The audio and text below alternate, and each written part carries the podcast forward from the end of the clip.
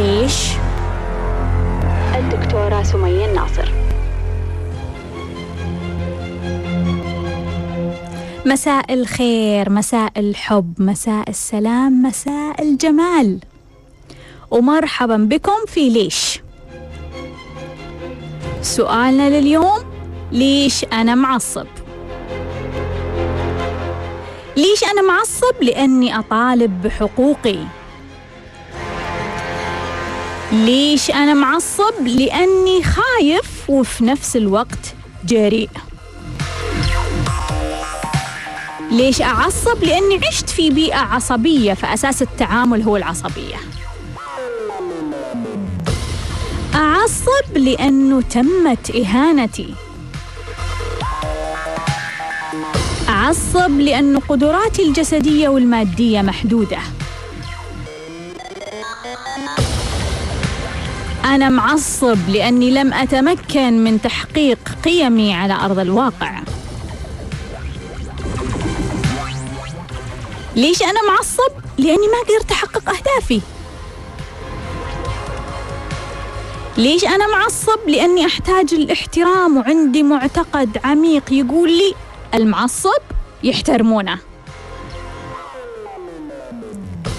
ليش أنا معصب؟ لأني أحتاج أني أسحب من طاقات الناس بتخويفهم لأني أحتاج أن الناس تهتم فيني وأنا معصب أحتاج طاقة كل الخوافين وأعصب عليهم ليش أنا معصب؟ لأن عندي مشاعر سلبية كثيرة جدا وتفجرت لأن طاقة الغضب تجعلني أشعر بأني ذكي. أنا معصب لأنهم كشفوا حقيقة من حقائقي وأنا غير حقيقي. كشفوا سر من أسراري وأنا مش مستعد. أنا معصب لأن هناك شخص يلومني. أنا معصب لأني ما أستطيع أني أتقبل أو أتجاهل ما لا يشبهني. أنا معصب لأن عندي موقف عميق في ذاكرتي في اللاوعي دائما يتجدد ويعصبني. أنا معصب وهذا أعمق شيء عندنا. لأنه أنا على وشك أني أكسر صندوق على وشك أني أخرج من دائرة على وشك أني أدمر بلورة لكني تأخرت وعالق في الطريق. وخلوني أقرأ بعض التعليقات اللي وصلتني على إنستغرام وتويتر. بدرية تقول قليل ما أعصب لأني غالبا أشعر أني مسيطرة على كل شيء. برافو يا بدرية. سماح تقول عشان تمت خيانتي. يعني الخائن مستمتع وانت معصبة. معقولة؟ منى تقول لأنه بدي أخذ شيء من حقوقي وفي أشخاص تمنعني. على فكرة غالب الأشخاص اللي يطالبون بحقوقهم يعيشون في مرحلة الغضب ومتورطين بطريقة المطالبة بالحقوق. زينب تقول دائما أعصب على أي شيء لا يتماشى مع كلامي وعكس مرادي. يعني زينب ما تقدر تتقبل ما تقدر تتجاهل. أي شيء ما يشبهها بتعصب. ترى على فكرة ما راح تكتشف هذا الشيء إلا لما تكون في زاوية حرجة وتشوف شخص ما يشبهك لا في أفكارك لا في شكلك لا في قيمك لا في أهدافك لا في معتقداتك. تعصب؟ ولا تتقبل ولا تتجاهل. فاطمة تقول من وضعي أنا معصبة من وضعي كل شيء يخترب في حياتي. ما في شيء يتم أو يكتمل عاطلة باطلة يائسة والعمر يمضي. بشرى تقول هذه برمجة الطفولة.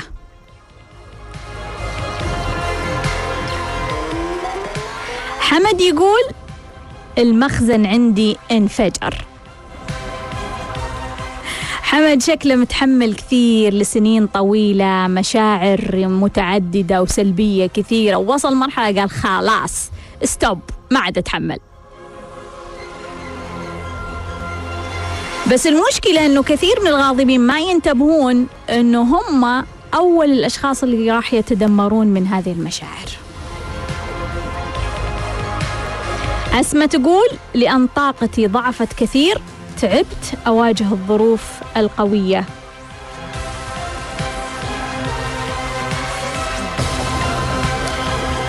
زياد يقول أنا أغضب إذا تخيلت أمر مستقبلي أسعى إليه وأتخيل الرفض. يعني كلها في مخك يا زياد. تتخيل الموقف وتتخيل الرفض. فاتن تقول لأن أنا أحب الناس اللي حولي يكونون مرتاحين بينما هم يزعجوني وينكدون علي. يبدو ان فاتن تنتظر المقابل يعني هي تعطي راحة فهي تنتظر الراحة من الآخرين لكن هم ما يعطون هذه الراحة هم يعطونها إزعاج طوال الوقت. يا جماعة إحنا في اللحظة اللي نتشرط فيها في العطاء والأخذ كل شيء راح يتدمر. وراح تظهر لنا مشاعر سلبية في الأخذ والعطاء لأنه تشرطنا. أيضا صديقي يقول لأنه الكل يدقق ويعلق ويغارون مني. على فكرة إذا تشعر أنهم هم يغارون منك فهذه مشكلتك مش مشكلتهم. أسماء تقول لأن ما في فرص لا شغل ولا زواج. يعني إذا ما عندي شغل المفروض أعصب. كذا؟ كذا يا أسماء. إذا ما عندي شغل المفروض إني أنا أقعد وأعصب. مو المفروض إني أنا أقعد وأحس بالطفاش والملل والفراغ. لا أعصب. هذه ترى مرحلة متقدمة لأنه الملل عادة يبدأ بمشاعر هادية مش مشاعر غاضبة. لكن لما يكون ملل أكثر مما ينبغي وسنين طويلة جدا إيه ممكن ممكن يصل لمرحلة الغضب لوكا يقول لأن ما عشت الحياة اللي تمنيتها ولا حصلت على الحب ولا على الاهتمام عايش بخوف وفوبيا طيب كيف تعرف الشخص الغاضب؟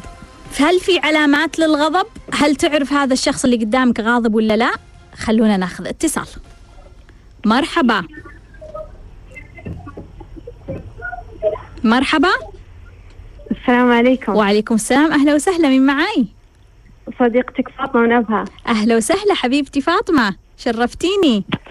الله يسعدك. سمي. أم السؤال الحلقة ليش أعصب؟ إيه أعصب دائما إذا فقدت السيطرة على بيتي بس.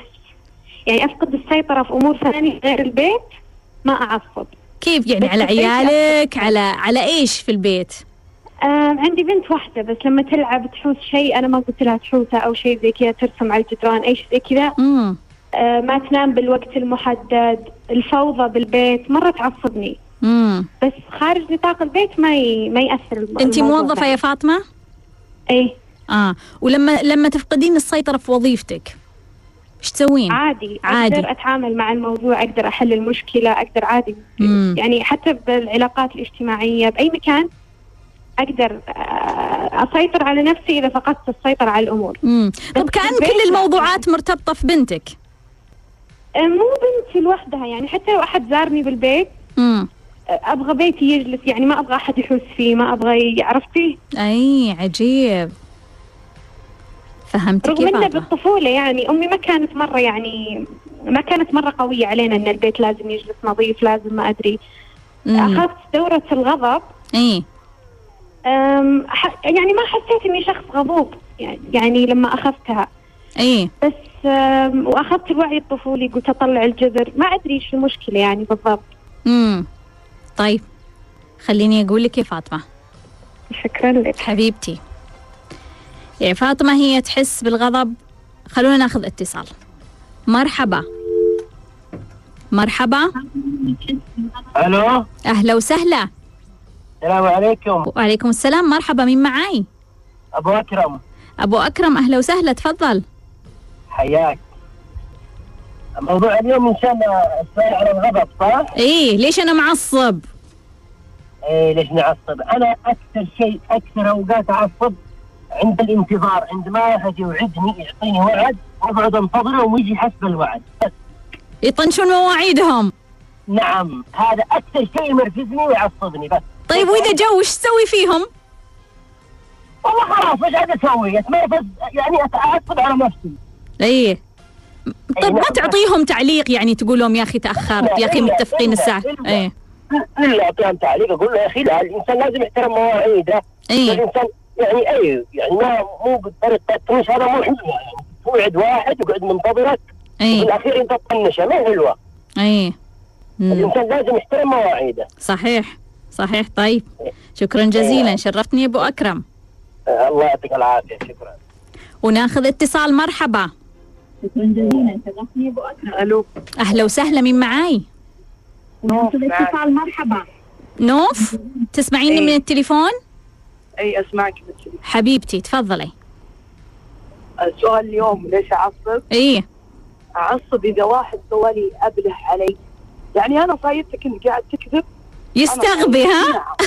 يستغبي. يستغبي. من جد طيب ما تعلمه أنك فاهم السالفة كلها؟ أعلم أهل اهله إنه فاهم السالفة كلها. إيه. ممتاز طيب. وبس هذا هو هذا اللي يعصبني صراحة. حبيبتي شكرا جزيلا. شرفتيني. أهلا. هلا حبيبي ناخذ اتصال مرحبا. مرحبا. السلام عليكم. وعليكم السلام مين معاي؟ معك أبو ريان. أهلا وسهلا أبو ريان تفضل. ليش أعصب؟ لأني ما أنام. أفا. إذا وقت النوم إيه. إذا يجيك قلق. آه، أحترق. إيه. طيب والحل؟ ما فكرت تحل الموضوع؟ ما ما ما في حل. ما في حل. أتوتر إذا كان في موعد أو مناسبة. امم لازم قبلها أجي قبلها بوقت. أحيانا أغيب من الدوام يعني عشان بس أرجع أنام قبل الموعد. تغيب من الدوام عشان تنام؟ إيه. امم طيب. خلني أقول لك يا أبو ريان. شرفتني. أهلا وسهلا. وناخذ اتصال. مرحبا. مرحبا. مرحبا. مرحبا. ألو السلام عليكم. وعليكم السلام مين معاي؟ مرحبا سين دكتوره معك مشعل. أهلا وسهلا يا مشعل تفضل. أه متى اعصب أه اعصب أنا م- أه إذا إذا في أه س- يعني في حالتين يعني. مم. الأولى إذا كلمة طيب دي. طبعا أطلب منك شغلة وكلمة طيب وش تعني يعني؟ يعني إيه ولا لا؟ يعني ولا لا؟ طيب خلاص لا. والشغلة الثانية اللي هي الانتظار. أنا من الناس صراحة ملول جدا. أنتظر عند المستشفى عند آه، استراحة عند أي موقع أي مكان عند دائرة حكومية. صراحة اكون أقول ما تتخيلين درجة الغضب اللي أنا فيها. إي وتروح تهاوشهم إذا تأخروا عليك؟ لا لا لا قاعد أكل في نفسي عض بضاطي أوه و- أيوه، من الداخل غليان. غليان ولا الله يعزك الرجل تهز وتوتر ال- ال- ال- ال- الكراسي تهز يعني. يا الله. طيب شكرا يا مشعل شرفتني. هلا هلا أهلا. وسهلا. وناخذ اتصال. مرحبا. مرحبا. السلام عليكم. وعليكم السلام. اسمعني من التليفون. اي نعم اسمعك بالتليفون أهلا وسهلا. مين معاي؟ معك محمد. أهلا وسهلا يا محمد. تفضل. آه ليش معصب؟ أنا اعصب إذا شفت إني كنت أكلم إنسان يعني في موضوع مهم. أحس إني تجاهلني. إيه. اي أنا اعصب من الشيء ذا وغير كذا إني ما عندي صبر. وأحس إني دائما يعني أتعب نفسيا أكثر شيء. طيب قل لي يا محمد إذا تجاهلك وش العلامات إنه هو تجاهلك كيف؟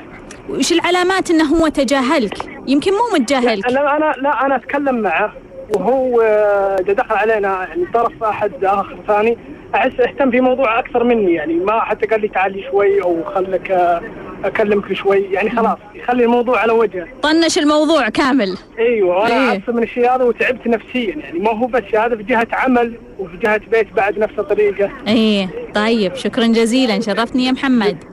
الله يسعدك أمان الله. وخلونا ناخذ اتصال مرحبا. مرحبا.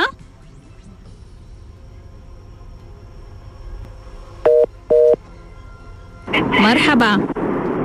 أيوه مساء الخير. مساء النور مين معاي؟ أنا أحمد. أهلا وسهلا يا أحمد تفضل. اسمعني من التليفون؟ نعم.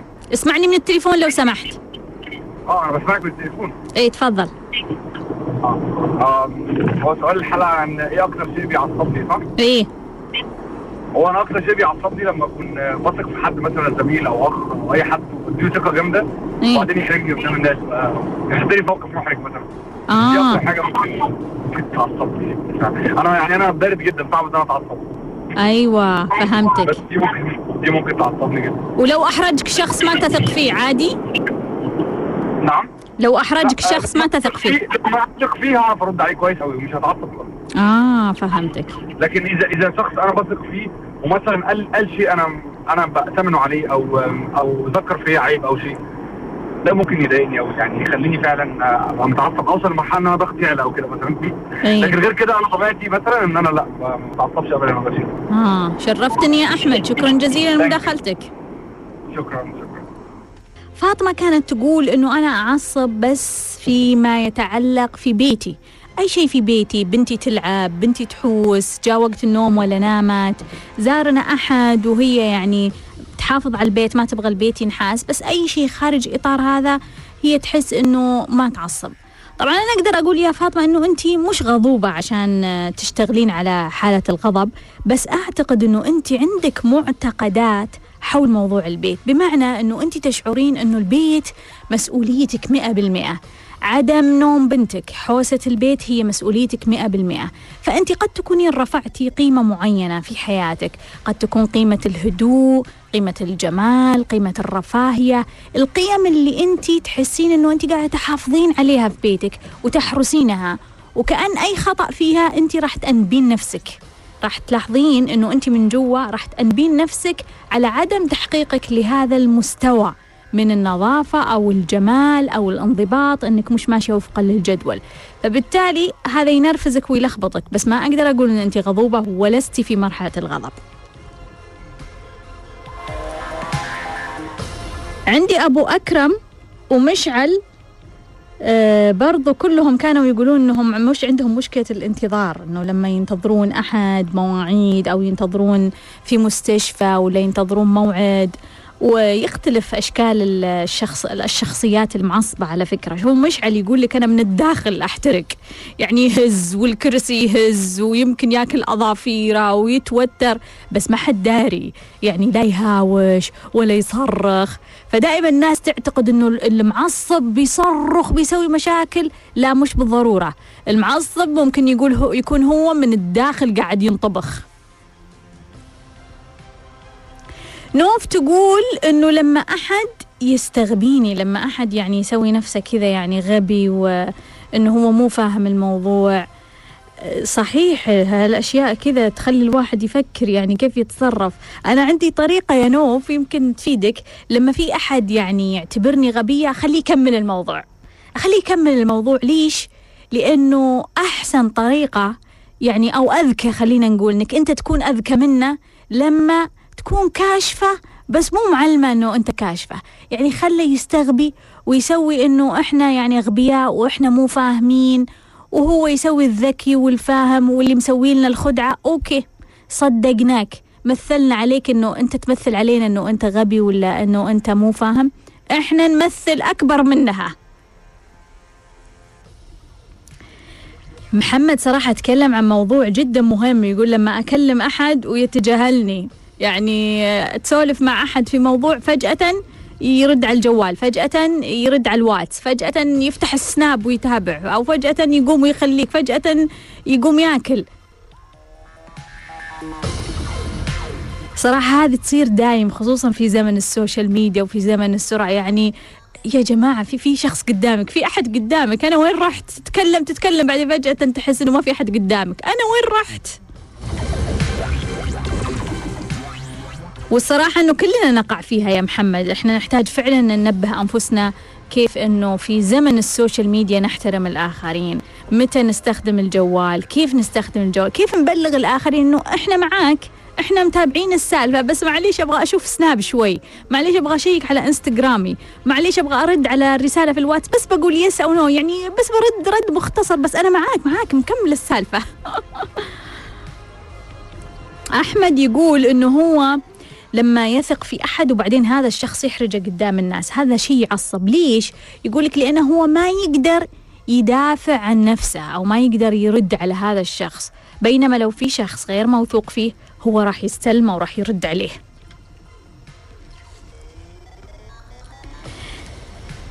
شوفوا يا جماعة فيه شخص غاضب راح يبدو هادي من برا. يعني شكله من برا مثل مشعل يعني ما عنده أي علامات كبيرة تدل على أنه غاضب. بس هو من الداخل هو يغلي هو يعني حرارة وغليان. تقدر تلاحظ نفسك في ناس محتارين هل اللي فيني غضب ولا اللي فيني مش غضب؟ تقدر تلاحظ غالبا الغضب راح يوصلك لحالة عالية من الحرارة أو البرودة. يعني برودة شديدة أحيانا في الأطراف أو حرارة عالية في بعض المناطق. أيضا راح تلاحظ من علامات الغضب أنه في منطقة في جسمك تتأذى. في منطقة في جسمك راح يكون فيها حركة دم عالية جدا. قد تكون يدينك قد يكون وجهك قد يكون أكتافك. أنا بالنسبة لي شخصيا أكتشف أني معصبة لما أحس أنه أكتافي فيها كذا دم فيها تنميل فيها حركة أكثر من اللازم. أوه أقول أوه هذه مشاعر الغضب قاعدة تشتغل. فانتبه لنفسك خليك ملاحظ دائما في منطقة في جسمك الأكتاف الصدر الوجه البطن اليدين القولون الأفخاذ الرجلين. منطقة راح تتغير وقت الغضب. راح يكون فيها حركة دم عالية. إما هالحركة هذه مسحوبة يكون فيها يعني تشبص كذا وبرودة أو تكون فيها غليان بحيث تحس إن كأنها تنميل. من العلامات أحيانا إنه الشخص يكون صوته عالي ويطول صوته على الناس بس مش دائما أحيانا الأشخاص يعني اللي عندهم جرأة إنهم يسوون مشاكل أو مستعدين أو يبغون يسوون مشاكل ممكن تكون أصواتهم عالية. بعض الأشخاص تكون عندهم أفكار كثيرة في لحظة الغضب. يعني يكون أفكار كثيرة ما يدري هو يسيطر أو يلحق على أي فكرة. وهذه غالبا لما يكون عندنا مجموعة من الملفات في اللاوعي طريقة الغضب عندهم أنه كأنه الملف هذا انفتح والأوراق هذه تشتتت كذا طارت في الهواء. فهو ما يقدر يلحق على إيش؟ الورقة هذه طايرة والورقة هذه طايرة. ففي أفكار كثيرة طلعت قدامه ما يقدر يسيطر عليها. وأحيانا أخرى في أشخاص نوع الغضب عندهم آخر إنه في فكرة صارت كبيرة كبيرة كبيرة وعميقة عميقة عميقة. بس هي فكرة واحدة مو أفكار كثيرة لكنها صارت ضخمة ضخمة ضخمة وصارت طاقتها كبيرة عشان كذا هي انفجرت. خلونا ناخذ اتصال. مرحبا. مرحبا معك ند- وسهلا. آه عندي سؤال دكتورة. ندى؟ أيوة. أهلا وسهلا يا ندى. آه أنا أحيانا أقول كلام ويصير العكس. يعني أنا قلت لصديقاتي إني ما راح أكمل دراستي وراح أتزوج. امم يعني قلتها بم- بمشاعر سلبية. ووقتها إني عارفة ما عندي ولا أي فرصة دراسة. امم وسبحان الله بعدها درست وتخرجت بس إلى الآن ما تزوجت. إي. انت وش كنتي تبغين. كنتي تبغين كنتي تبغين تكملين دراستك ولا ما كنتي تبغين تكملين دراستك؟ أنا على حسب الفرص اللي متوفرة فما في أصلا دراسة. أنا عارفة إني ما راح أكمل. امم فقلتها بمشاعر سلبية. يعني خلاص إني راح أتزوج وما راح أكمل دراستي. امم هم يلومونك الآن؟ لا لا عادي. زوجنا كلنا واللي صار العكس. امم امم بس هذه المرة. صارت معك ولا تصير معك دائما؟ لا هذه المرة بس بس أحيانا يعني أبى أقول آه، بس أنوي يعني إني أسوي شيء ويصير العكس. أي. طيب خليني أقول لك يا ندى. أتمنى تحفظي البث يا دكتورة. إن شاء الله. شكرا مع وخلونا ناخذ اتصال. مرحبا. ألو؟ مرحبا. أيوه السلام عليكم. وعليكم السلام مين معاي؟ أنا أبو لارا معك. يا دكتور أهلا وسهلا يا أبو لارا تفضل. آه أنا عندي مشكلة يا دكتورة ما أدري آه يمكن يمكن مرت عليكي. تفضل. اللي هي آه إذا جعت أنا آه آه، صراحة أطلع عن طوري مرة.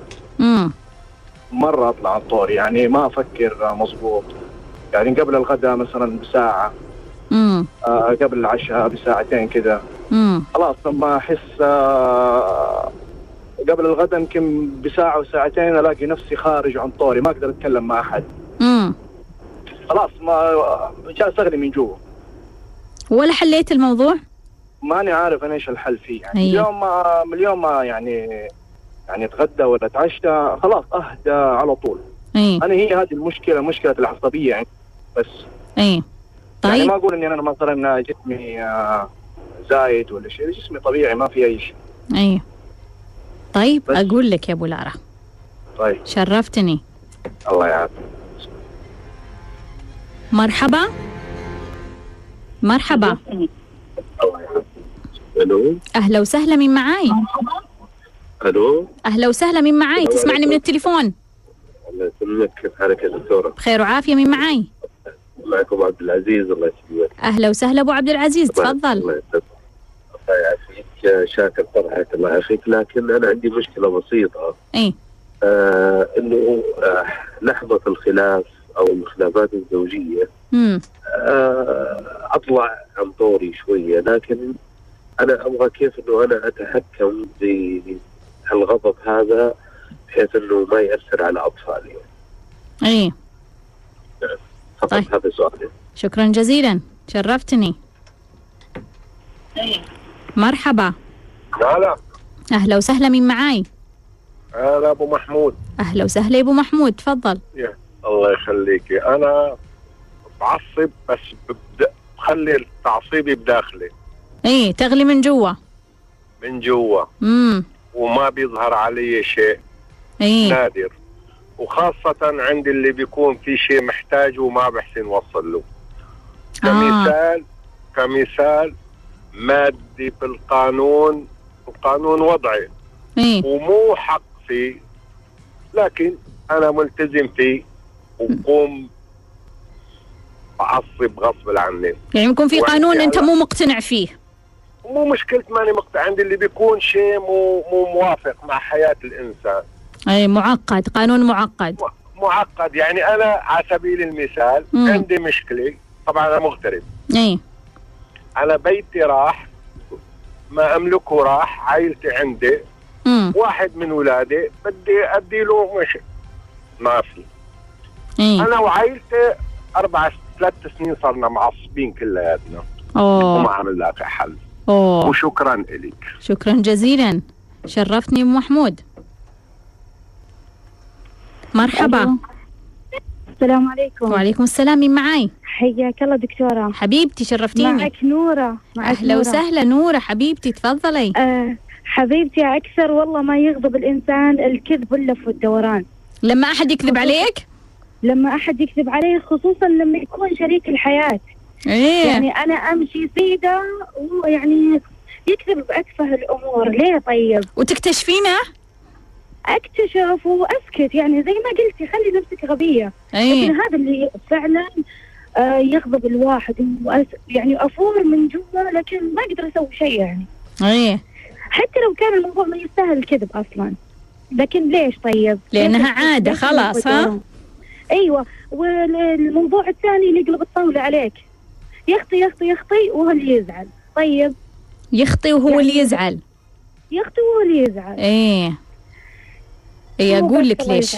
حبيبتي شرفتيني يا نورة. الله يسعد قلبك مشكورة هلا. مرحبا. مرحبا. ألو السلام عليكم. وعليكم السلام مين معاي؟ دكتورة سمية أهلا وسهلا. فخره فاخرة؟ فاخرة.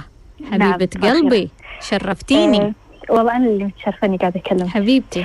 بخبرك. أنا تخرجت من الجامعة السنة اللي طافت. مم. درست محاسبة وأول ما تخرجت يعني قدمت على الوظائف الحكومية عندنا أه في, ال- في الإمارات. إيه ودربت في دائرة حكومية وكل أهلي وكل حد كان يقول لي واو كان وايد حلو إنه لو تشتغلين فيه امم وكان الناس طيبين وجي بس بس حسيت إنه يعني وأنا أشتغل قاعدة أسوي شيء بس مش هالشيء اللي أنا أحبه ومش هالشيء اللي أنا أريد أسويه. يعني سبع ساعات من يومي ما أريد قاعدة أسوي هالشيء طول مم. حياتي. بس قدمت still قدمت عليهم وقدمت على وايد أماكن. بس ما كانوا يردون علي يعني يقولوا لي ما في شاغر أو كلهم يقولوا لي ما في شاغر أو يوم بيكون عندنا شاغر بنتصل فيك إيه. بس أنا ش- آه، قربت عندهم ست شهور بعدين يعني قعدت في البيت. يمكن في البيت تقريبا كنت يعني استقلتي؟ ما استقلت أنا ما اشتغلت أنا تدربت آه تدريب okay. درب تطوع يعني. إيه. عرفتي؟ امم يعني ما توظفت بعدني ما توظفت. المهم فأنا في نفس الوقت بعد كنت في البيت أدرس أختي يعني آه، في المدرسة يدرسونهم business ويدرسونهم accounting شي ال basics كنت أدرسها. كنت أستمتع وأنا أدرسها. ويوم ادرسها كانت تقول لي إحنا ال miss اللي في المدرسة ما تعرف تدرسنا.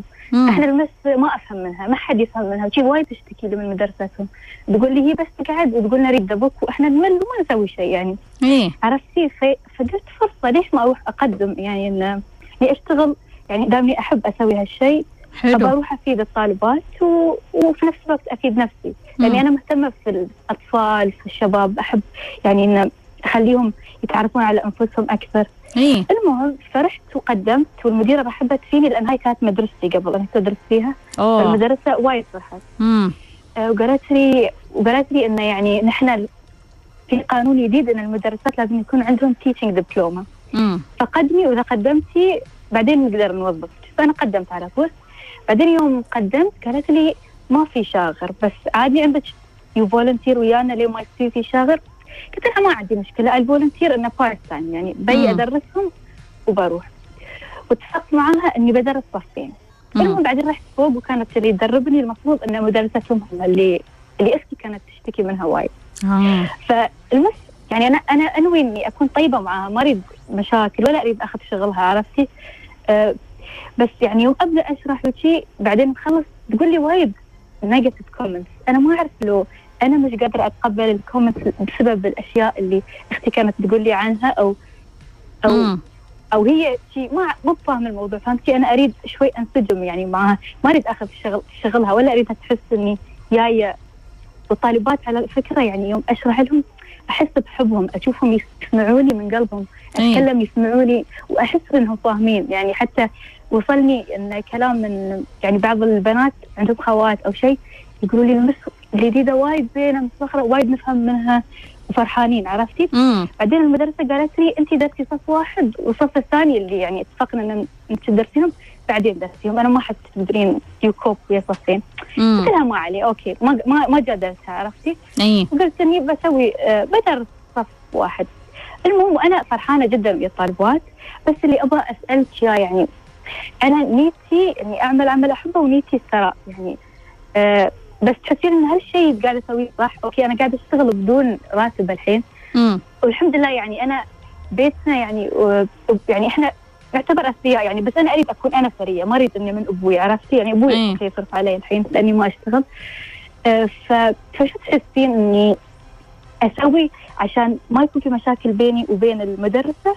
في نفس الوقت عشان اتطور أكثر يعني إن أو اتقرب حق الشيء اللي أريده أكثر. طيب أقول لك يا فاخره حبيبتي شيء. أنا سمي اشتركت في الدورة ال- كل الدورات الغضب والخوف وكلهم بس بعدني ما جربت يعني واليوم ممتاز. برافو.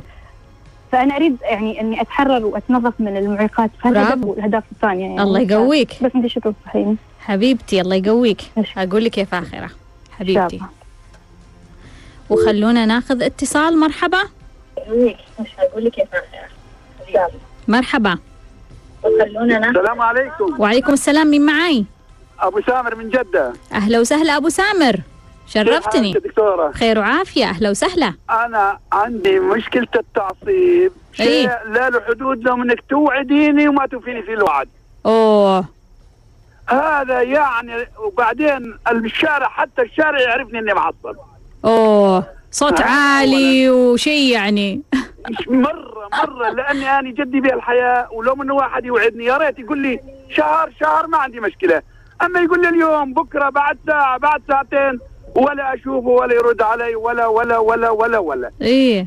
الناحية الثانية لو اني أنا اكلمك فعلا بموضوع جدي وموضوع آه فعلا إني أريد أفيدك في موضوع وأنت مطنشتيني. يا بالجوال يا ما ما قال أخوي قبل شوي. إيه. كمان هذا بينفردني وأقوم على طول بدل ما إني أقوم أحسن ما أزعله. أمشي على طول.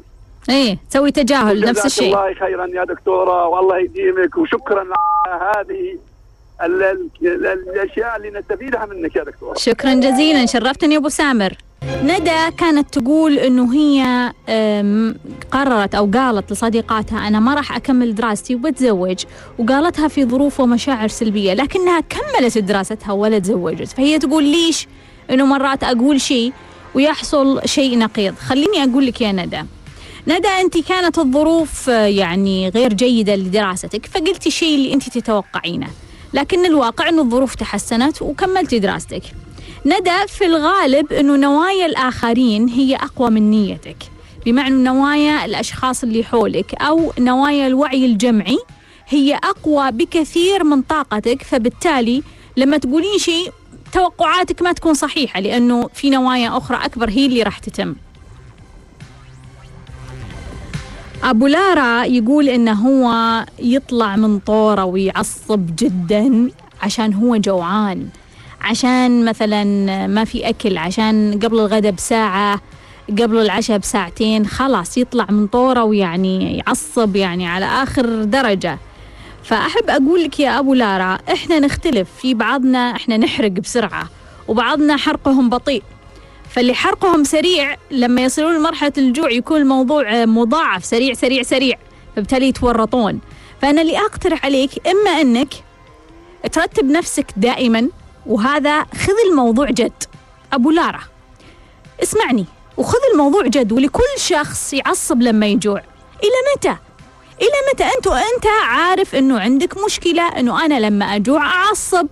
خلني أوجد حل لهذه المشكلة. خلي في جيبك بسكوت كيكة مثلا كيسة مكسرات صغيرة أي شيء يسكت جوعي بحيث أني أنا لأنه أنت شوف ممكن يصير إذا عصبت. ممكن تخسر أصدقاء.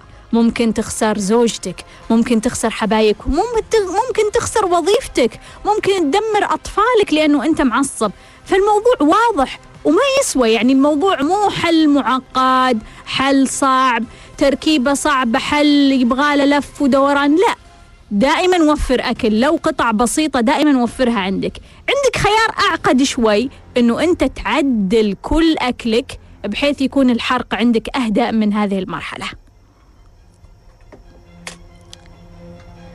أبو عبد العزيز كان يتكلم أنه لحظة الخلافات الزوجية أنه هو يطلع عن طوره وما يقدر يتحكم في غضبه. في الغالب وهو يعني كثير خايف على أطفاله أنهم يتأثرون من هذا الحدث. أبو عبد العزيز المفترض أطفالك ما يكونوا موجودين ولا يشوفون ولا يلاحظون هذه الخلافات. إحنا لما نتكلم عن الخلافات الزوجية فنحن نتكلم عن رجولة الرجل وأنه هو يحس أنه تمت إهانته وغالبا المرأة يكون عندها صوت عالي قاعد أتكلم بصوت عالي فهو يحس أوه الصوت العالي يهددني وأنا ما أقدر أتكلم بصوت عالي فيضطر إنه يغضب ويسوي يعني سلوكيات عشان يهدئ من تصرفات المرأة.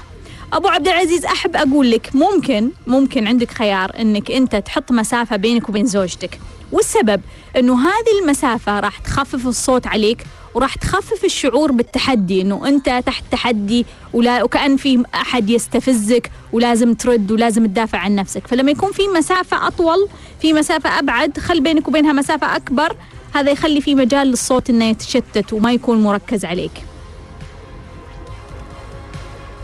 أبو محمود عنده قصة طويلة مع العائلة منذ أربع سنوات صارت لهم كثير من المشاكل ودخل في قانون وضعي معقد وفقد أشياء مهمة بالنسبة لحياته. فهو يقول إحنا صار لنا أربع سنوات وحنا معصبين كلنا كل العائلة معصبين وفقد أشياء مهمة جدا في حياته. شوف أبو محمود أحب أقول لك شيء مهم مهم يعني. أرجوك أنك تسمع هذا الموضوع باهتمام وتاخذه بجد أنت وعائلتك المحترمين. شوف التعصيب ومزيد من التعصيب ما يجيب إلا مصايب. بمعنى أنه إذا استمريت معصب أنت وعائلتك راح تجذبون مزيد من الآلام والحزن والفقد والمصائب وكل شيء سلبي. الخيار قدامك أنك تستمر معصب أعرف أنه اللي مريت فيه يعصب. أعرف أنه اللي مريت فيه يقهر. أعرف أن اللي مريت فيه لا يتحمل. لكن ما عندك خيارات. خياراتك الآن كالتالي. إما أنك تستمر معصب فبالتالي راح تستمر تجذب الأشياء السلبية لحياتك وإما تختار أنك تقول خلاص اللي راح راح واللي فات مات. وانتهى الموضوع لازم الآن أسوي إعادة بدء. إعادة بدء بكل بساطة كأنك كمبيوتر طفيته وبديت من جديد. والآن نبدأ بروح طيبة بمشاعر جيدة نبدأ كذا بنشاط بحيوية. إلى متى؟ خلاص أنا الآن أقرر أني أنا أختار أنا روح طيبة أستحق حياة طيبة أستحق جذب طيب.